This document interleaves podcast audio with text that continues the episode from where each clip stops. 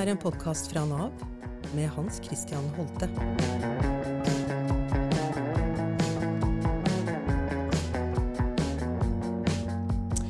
Da er det hyggelig å ønske velkommen til eh, Holtes Halle. Eh, og jeg har med meg en gjest jeg har gledet meg til å snakke med i dag. Det er eh, Jan Grue, som er forfatter og også professor ved Institutt for sosiologi og samfunnsgeografi. Og Jan har også en muskelsykdom som gjør at han sitter i rullestol, og som bl.a. var Eh, et utgangspunkt for eh, den eh, selvbiografiske boka han skrev, som heter 'Jeg lever et liv som ligner deres', og som vi kommer tilbake til litt seinere i løpet av denne praten. Først av alt, Jan, veldig hyggelig å ha deg på besøk her. Jo, veldig hyggelig å være her. Vi har møttes et par ganger før. Du har, du har jo gode refleksjoner og innspill til oss i, i Nav. Eh, du har eh, levd med hjelpeapparatet gjennom livet ditt og har, eh, har, en del å si om det. Men aller først så kunne jeg godt tenkt meg at vi snakket litt om den forskningen som du gjør ved universitetet nå i disse dager, som dreier seg om funksjonshemming som politisk identitet. Kan ikke du si litt om eh, det forskningsprosjektet og hva du jobber med der? Mm, veldig gjerne. Altså, det er et prosjekt som på mange måter stiller spørsmål om hvorfor vi ikke er kommet lenger enn det vi har. Og da tenker jeg på funksjonshemming og altså, yrkesdeltakelse og ja, skal vi si, inkludering på de økonomiske tingene da, i, i samfunnet.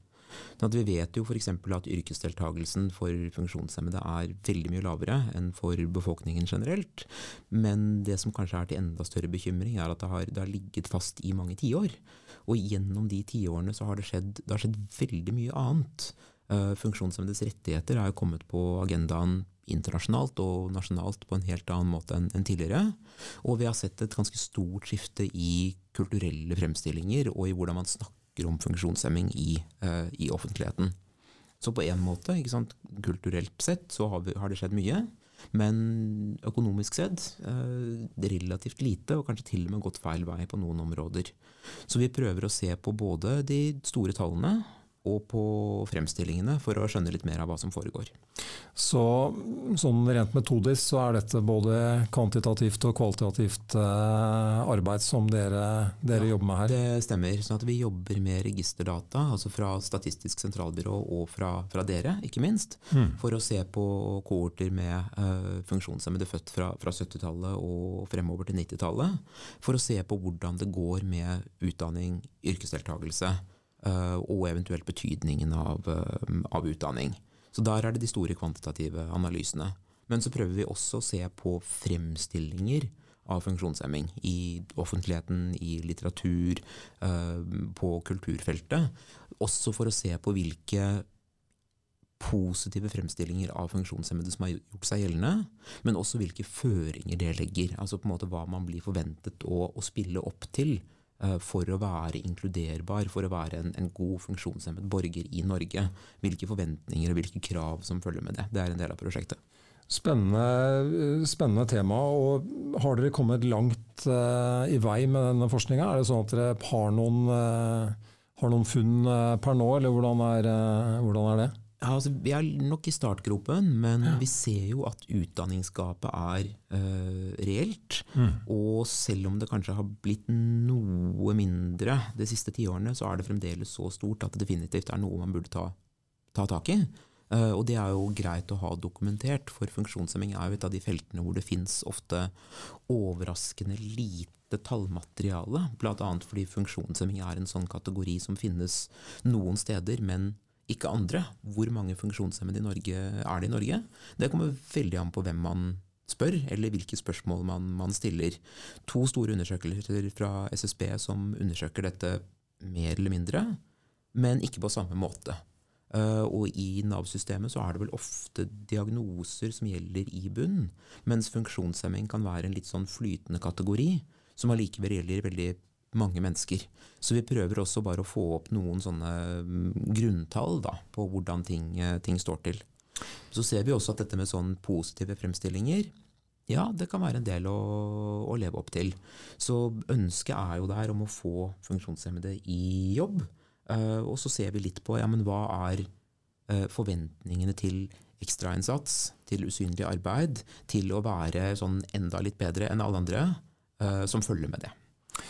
Riktig. riktig. Og dette med, med rett og slett de positive forventningene. altså Hvis jeg forstår deg riktig, så, så, er, det, så er det kanskje en det vi må kunne si er en, eh, er en, positiv utvikling i samfunnet generelt når det gjelder at vi beveger oss mot eh, kanskje et tydeligere ønske og mer ambisjon om inkludering, eh, men at det, det, på en måte også ligger noen, eh, noen eh, forestillinger og kategorier da, kanskje i, i, den måten å tenke på som, som vi også må være åpne for at kan være begrensende, eller kan på en måte er det, er det, litt sånn at det blir ja. nye, nye, rammer man settes inn i, som kanskje ikke nødvendigvis passer helt? Ja, jeg tror det er veldig presist. Altså på, på, engelsk så har man jo det uttrykket som heter supercreps.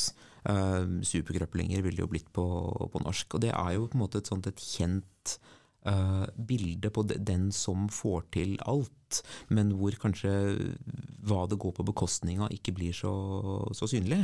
Så det blir jo en sånn uh, en ting som er verdt å drøfte. Hva er det som skal til for å f.eks. komme i jobb? Uh, I en situasjon hvor f.eks. det å komme seg til og fra jobb kan bli en veldig krevende ting. Med sant, et uh, offentlig transportsystem som delvis er tilgjengelig, men delvis ikke og med andre transporttjenester som noen ganger fungerer greit, og noen ganger fungerer ikke så greit. Hvis da reiseveien til og fra jobb og innsatsen for å komme seg til og fra jobb blir dobbelt så stor uh, for deg som for alle andre, hva er det det går på bekostning av når det gjelder familieliv, sosialt liv, uh, muligheten til ja, rett og slett til å, å um, ja, nyte andre sider av, uh, av livet. Mm. Det ble også en side av det. Hvis vi, hvis vi holder oss litt i, til dette med arbeidslivet, har du noen eh, Hvis vi ser på tallene der, eh, hva er det store bildet når det gjelder funksjonshemmedes eh, deltakelse i, eh, i, arbeidslivet? Og Går det an å si noe om en utvikling her, eller er det en ganske sånn eh, statisk eh, situasjon? Ja, nei, altså, Så langt er vi ikke kommet i analysene. Det, det, er det vi er mest interessert i å finne ut av. Fordi altså, Hvis yrkesdeltakelsen for arbeidslivsdeltakelsen for befolkningen generelt ligger på vel en sånn syv av ti eller noe i det området der, så dropper det jo ned til fire av ti for funksjonshemmede som, som sådan. Uh, I Norge som i, i mange andre OECD-land. Uh, men vi vet ennå ikke helt hvor mye utdanning har å si der. Um, altså sånn Helt sånn anekdotisk så er det jo det er relativt få jobber i Norge jeg kan gjøre. Uh, men med høyere utdanning så har jeg kommet meg inn i akademia til en jobb der det å sitte i rullestol betyr relativt lite.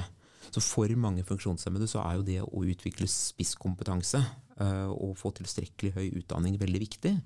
Uh, samtidig som en del ordninger for utdanningsstøtte jo har blitt vesentlig innskrenket i årene som har gått.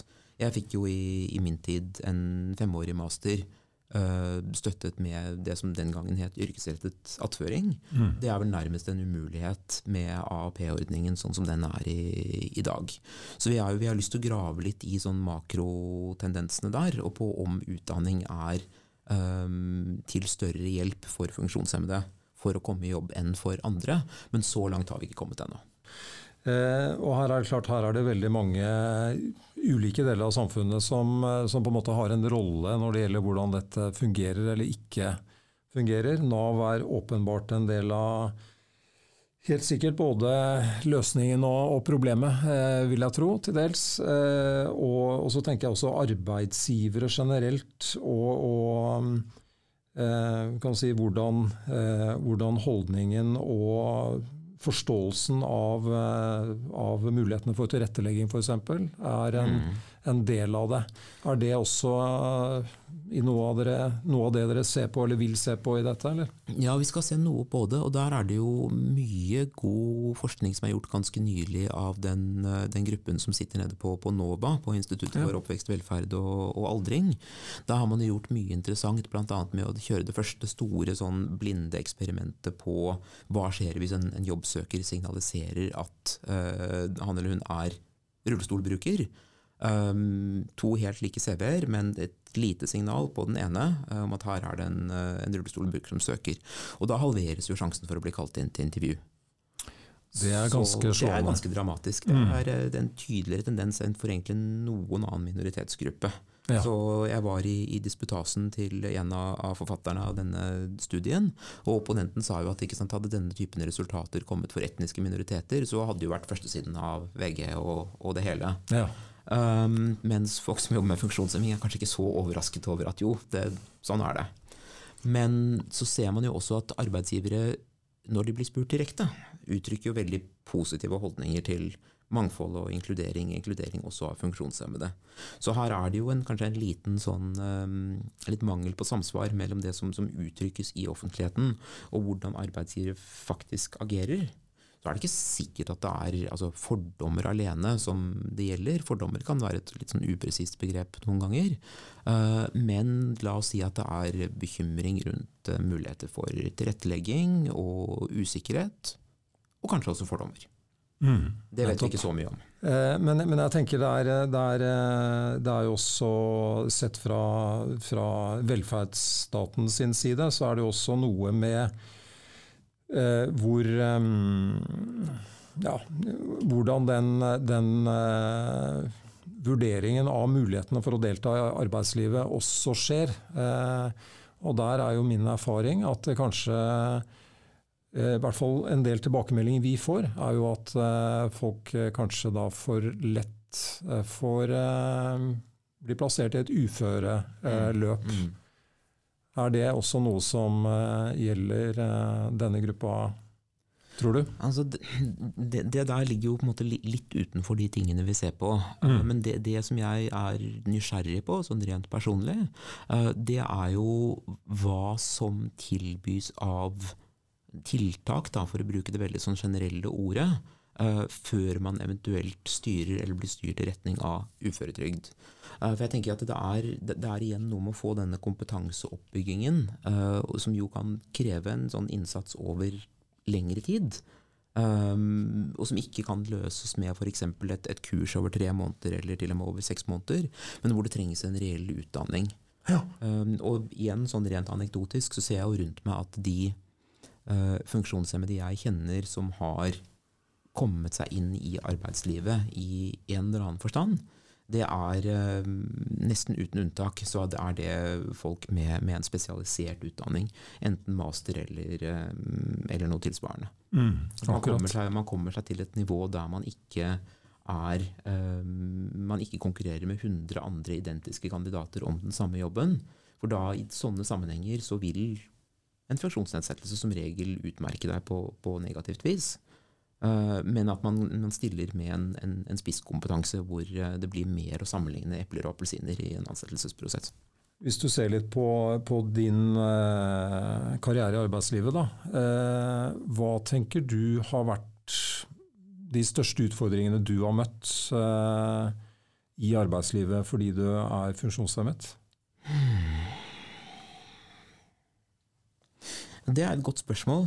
Um, jeg tror at um, noe av, noen av de største utfordringene har kommet når det gjelder um, kvalifisering utenom det som er uh, helt gjengs. Jeg kan prøve å, å, forklare litt mer hva jeg mener med det.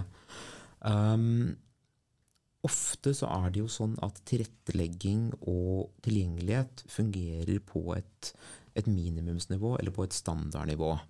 Um, mens det å skulle gjøre noe, noe ekstra, f.eks. å dra på den konferansen eller uh, ta det ekstra kurset eller gjøre den ekstrainnsatsen som kan være ganske viktig for kvalifisering i det lange løp, da bryter en del av strukturene sammen.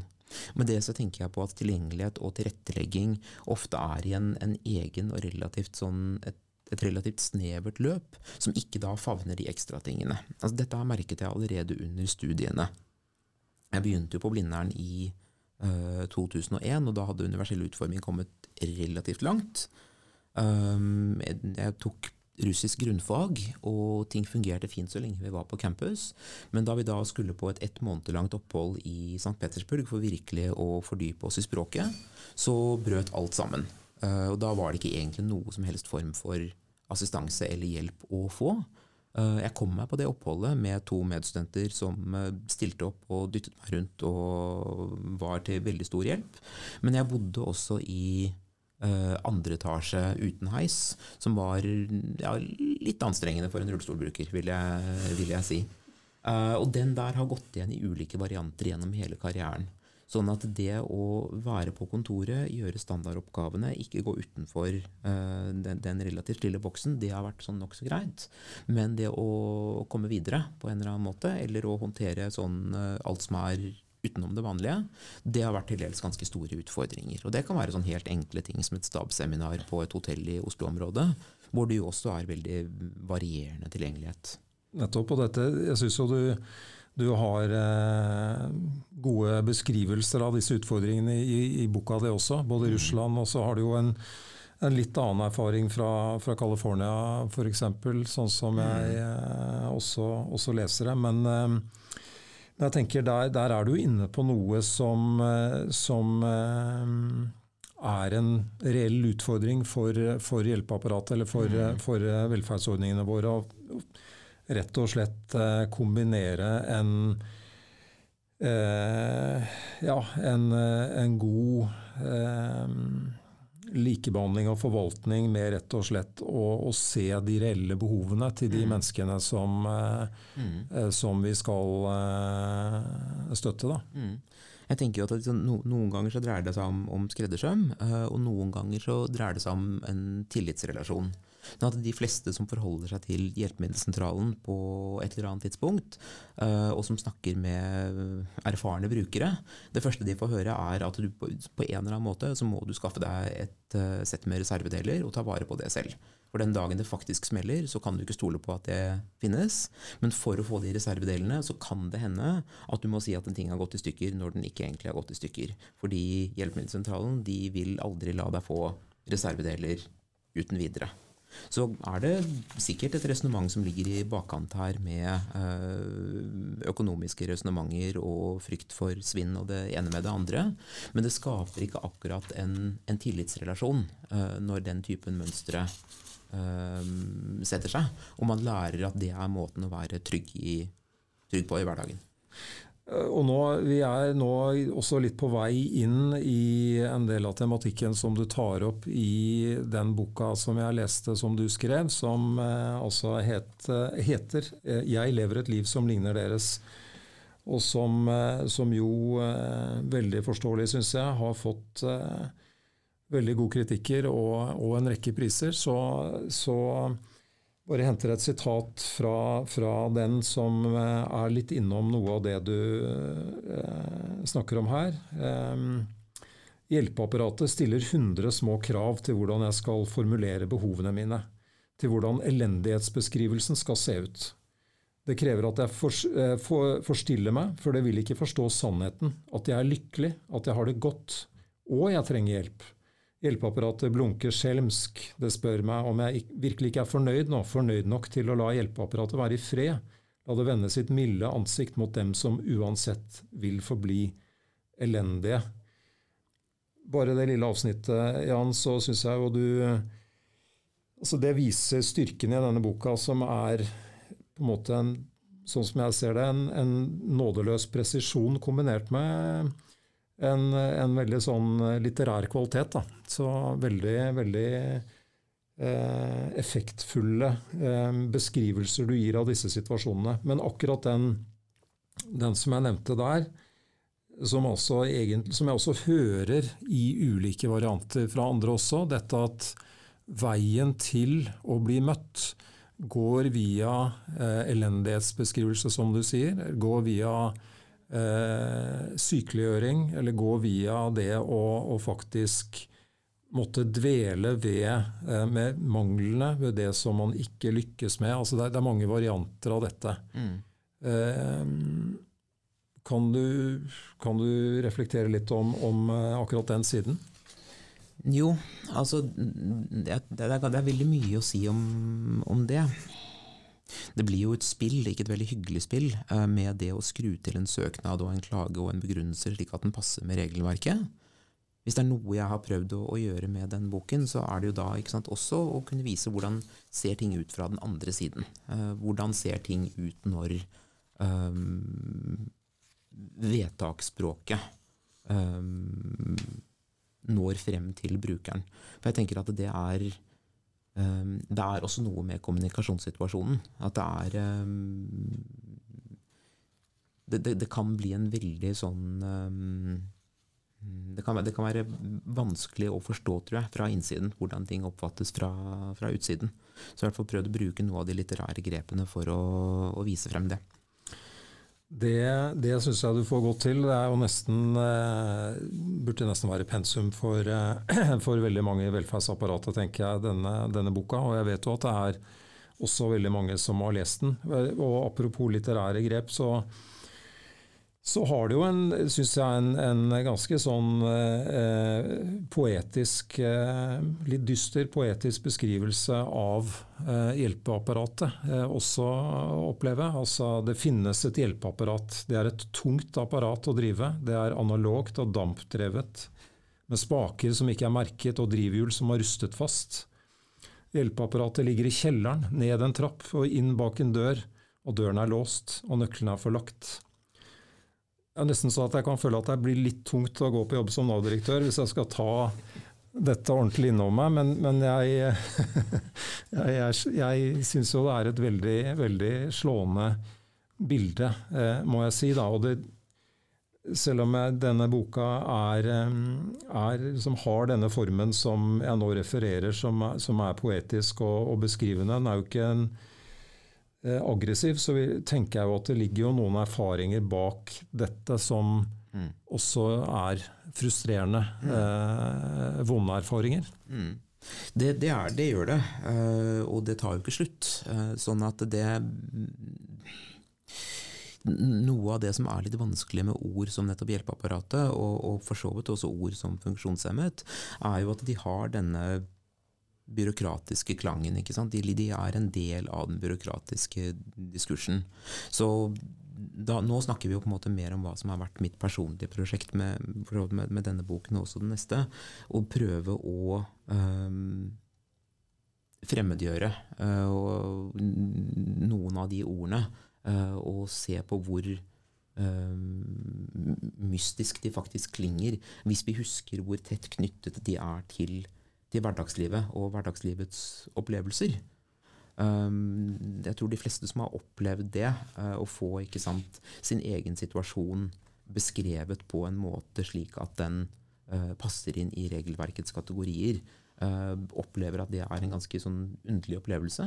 På samme måte som det kan være ganske underlig å lese om seg selv i um, journalen fra legevakten. ikke sant? Uh, her tror man at man er en relativt oppegående person, og så er det litt sånn noen beskrivelser av pass, punktum, uh, som, som, viser noe ganske annet. Um, så det, her tenker jeg at det er, sånn, det er noe av det det litterære språket kan gjøre. er rett og slett å, å puste litt nytt liv inn i ord som blir veldig tilvendte. Uh, og som har ikke sant, denne sånn primært byråkratiske uh, funksjonen. Men som er verdt å stoppe opp og, og ja, tenke litt rundt noen ganger. Du har jo egentlig ganske mange eksempler på små journalbrokker osv. som du har gjennom denne boka, som egentlig er sånn tydelige grep som du bruker. og det må jo ha vært ganske sterkt for deg også i, i voksen alder å gå inn og lese disse journalbeskrivelsen av deg selv som, eh, som lite barn, f.eks. Mm. Du har noe av det også enighet her. Det var en underlig opplevelse med den følelsen av delvis gjenkjenning uh, og fremdeles veldig sterk fremmedgjøring. Ikke sant? Dette her var jo definitivt meg som var omtalt i disse journalene, samtidig som jeg husket veldig lite av det. Både fordi jeg var uh, veldig liten uh, den gangen, og fordi det var situasjoner og en del andre ting som lå ganske fjernt fra de hverdagsopplevelsene som var det aller meste som jeg husket fra, fra barndommen min. Samtidig som det også var dette lille elementet av gjenkjennelse. Så det er jo mer et sånt altså Mye av boken er jo et minnearbeid også med å prøve å integrere de perspektivene. Og huske at sånn, ja, ikke sant, det var noen episoder som var ikke spesielt hyggelige, og som nok også preget meg en del. Um, men som tross alt utgjorde en relativt liten del av, uh, av barndommen min. Mens her er den fortellingen sant, i en, en god hyllemeter hvor, hvor, det er hovedtyngden av livet mitt, og alt annet er egentlig irrelevant. Så det, det er jo På mange måter så var det jo da jeg fikk de tekstene og fikk lest dem, at jeg skjønte at ja, det kom til å bli en bok. fordi der, der var den sånn spenningen mellom, uh, mellom hverdagsliv og mitt, mitt, eget språk, ikke minst, og de fremstillingene som sto i, i journalene og de andre dokumentene. Og du beskriver mønstre. Du har vel en sammenligning med, med, Bachs eh, fuger også, disse som på en måte kanskje virker som om de er på vei et sted, og så sier du ja, men det er jo, så vender de egentlig plutselig er de tilbake til utgangspunktet. Og det er det repeterende, på en måte, dette, dette eh, som kommer tilbake og tilbake. Det offentlige ber om opplysninger, gjentagende og minimalistisk mønster. Det er de samme opplysningene som etterspørres igjen og igjen, år etter år. Legeerklæring må innhentes på nytt og på nytt. Behov må dokumenteres, situasjoner beskrives. Mønstrene blir mer komplekse og mer barokke. Her kommer vi til, uh, her kommer vi til uh, Bach. Mm. Og har du noe inntrykk av hvor utviklingen er på vei? hvis det går an å stille det litt sånn åpne spørsmålet. Nei, altså På mange måter så går det jo i veldig gal retning. Det, det handler vel om den sånn, altså, den generelle økonomiske situasjonen og, og en del um, altså den, den, sånn politiske stemningen som tilsier at, at velferdsstaten er um, den, Dens vekstfase er for lengst forbi. Uh, og nå er vi på vei inn i en, en veldig, veldig lang um, periode med, med innskrenkning og, og begrensninger. Um, så det, det, er en ting som jeg tenker en god del på om dagen. At det er um, Som jeg også prøver å være veldig tydelig på i, i boken, så anerkjenner jeg hvor, hvor gode og rause mange av de ordningene jeg har vokst opp med, er. Vi snakket jo litt om utdanning tidligere, og hvor mye utdanningsstøtte jeg faktisk har fått i årenes løp. Um, I internasjonale sammenhenger så snakker jeg også veldig mye pent om Hjelpemiddelsentralen og muligheten for sant, eh, konstant tilgang på elektriske rullestoler, som jo er langt fra en selvfølge også i mange andre europeiske land. Um, og bilordningen, som er mindre raus enn den var, men fremdeles en av de, de bedre som, som finnes. Um, så det, jeg er jo veldig bekymret for hvor mye mer av dette som kommer til å bli um, redusert, og som kan bli, bli borte på, etter politiske beslutninger. En ting som kanskje har blitt litt bedre, eh, det går jo på det rent sånn tekniske og sånn kommunikative. Å ha muligheten for å ha den lille sånn praten rundt søknaden via chat eller via andre kanaler. Eh, det tror jeg er veldig verdifullt. Det tror jeg kan gjøre ting lettere både for Um, altså, både for deres del og for vår del, for å liksom trekke opp motsetningen her. Med den, den muligheten for å, å, tenke at jo, noe av utfordringen her er, er, regelverket, men det er ingen som ønsker å bruke mer krefter på dette enn um, en nødvendig. Uh, så hvis det faktisk går an å ha bedre hjelpetekster, bedre følgetekster, sette de som skal søke, i stand til å skrive bedre søknader, komme med forklar, bedre forklaringer på hvordan søknader skal skrives, forenkle systemene osv. Det er jo et kjempefremskritt, og der, der opplever jeg at det har skjedd ganske mye.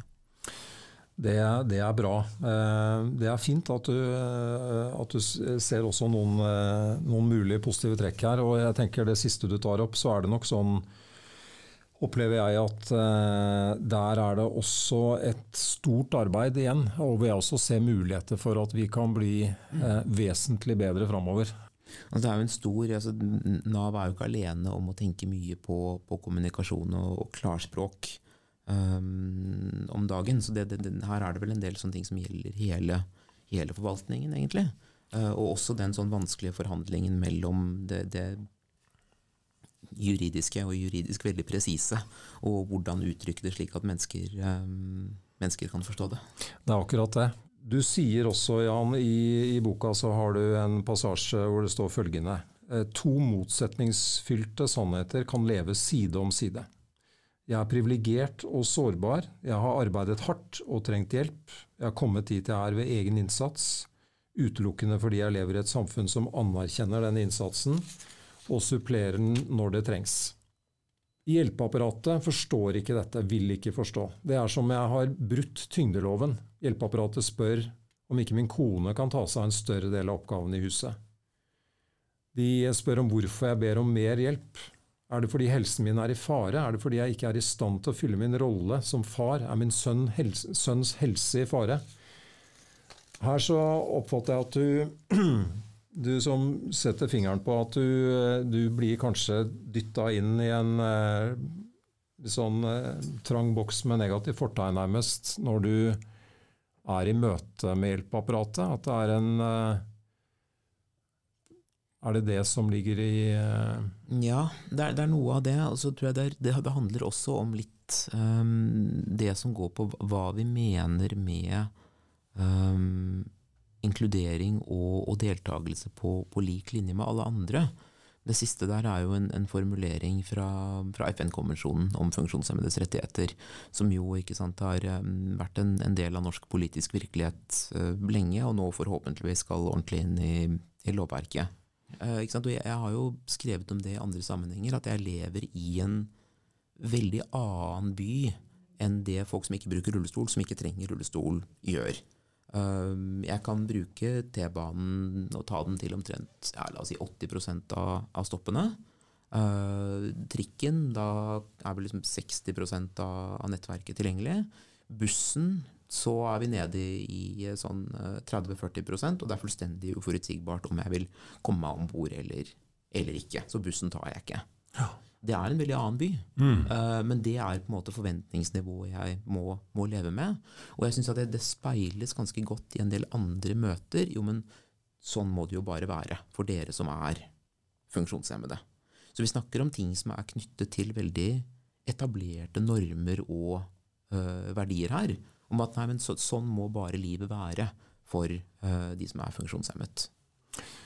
Dette er jo noe som du da eh, egentlig tillegger ganske mye et eh, ja, verdier og et menneskesyn, egentlig, eh, vil vi kunne si. Og, og, så lurer jeg på, hvis vi ser altså denne, denne terskelen nærmest, altså at du må, du må du må ha det vanskelig nok, eller du må ha det ille nok for å kunne få, få hjelp. Vi var litt innom det i, i stad også, dette med at du må beskrive en type elendighet eller vanskelig situasjon for å få, få støtte til, til, noe, enkelte ting. Så kan man jo også tenke at det en det er en, blir en sånn hard eh, prioritering, nærmest. Da. Hvis du tenker sett fra, fra velferdsstatens side. Eh, grensen må gå et sted. Det er dette vi har råd til, nærmest. Mm. Eh, og så blir det som da er en effekt av det, kan bli eh, noe som kan være en sånn eh, viss kynisme, om du vil. Mm. Eh, ja, nei, men absolutt. Og noe av det jeg har vært litt sånn opptatt av å, å få fram, det er i hvor stor grad den kynismen blir, eh, er noe man kan ende opp med å internalisere. Man, det, man, det, sies jo at, at, man må bli sin egen saksbehandler. Uh, det er nok psykologisk sett en ikke helt god prosess. Uh, å begynne å tenke på seg selv som et, et, tilfelle og som en sak. Det kan være nødvendig for å, å, vinne fram. Det er noe som jeg har gjort med meg selv i, i alle år. men virkningene av det er ikke så, så bra, altså. Så det er, eh, jeg tror det kan være greit å også sant, synliggjøre litt av skadevirkningen. Da, Og fremdeles i en alder av 42 og med uh, etter å ha hatt fast jobb i mange år. Altså jeg, jeg skvetter jo når jeg ser Nav-logoen på, uh, på Digipost. Vet jo aldri hva det kan være. Nei. Den tror jeg ikke jeg blir helt kvitt. altså. Skjønner det, altså. Og, det, og den, den fyller deg ikke med, med, glede og forventning. Det er ikke den type så, ikke sant, så blir jeg lettet når jeg bare ser at det er årsoppgaven, og så er det sånn, ja. ok, men da er det ikke noe mer jobb. Ja. Eh, men hvis det har vært en søknad som jeg har inne eh, Jeg får jo fremdeles avslag på søknader om både det ene og det andre. Mm. Så er det den sånn det, Jeg tror det er vanskelig å komme bort fra følelsen at det også er en, en moralsk dom. At det er en verdidom Så kan man si fra et, sant, fra et saksbehandlerperspektiv nei, nei, nei, det er bare anvendelse av, av regelverket. Eh, det er bare en prosess. Men disse tingene går så langt inn i det personlige. De går så Mm. langt inn i et, i et veldig, sånn, veldig sårbar del av livet Mm. eh, at det oppleves som en veldig mm, ja, som en, en sterk moralsk dom noen ganger. Hva kan, eh, hva kan vi som da sender disse brevene og, og har denne kontakten med deg, hva kan vi gjøre for å redusere den siden av det? Altså det, det skulle jeg ønske at jeg hadde et godt svar på. og det, Jeg håper virkelig ikke at dere ikke begynner å sette på smileyer på brevene, for det gjør virkelig eh, vondt verre. Men det er nok bare på en måte igjen min måte å holde opp et slags eh, speil på, da, og vise litt hvordan ting ser ut fra den andre siden. Så jeg har dessverre ikke noen sånn kjempegode forslag til, eh, til løsninger, men jeg tenker at jeg i hvert fall kan, kan synliggjøre litt konsekvensene. Um, og så tenker jeg at det har kanskje den funksjonen å bringe opp litt mer bevissthet rundt hva det er å utøve profesjonelt skjønn i de situasjonene. Det er mange store, tunge politiske prosesser som eh, sant, blir veldig vanskelig å, å gjøre noe med, som tar en, en ti, ti, år eller en generasjon eller, eller, mer.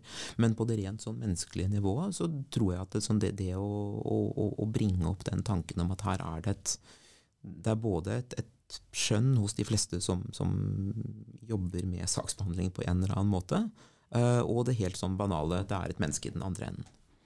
Jan Grue, tusen takk for en uh, spennende samtale. Jeg opplever at uh, du gir meg, og forhåpentligvis også lytterne, god innsikt i hvordan det er å møte det såkalte hjelpeapparatet.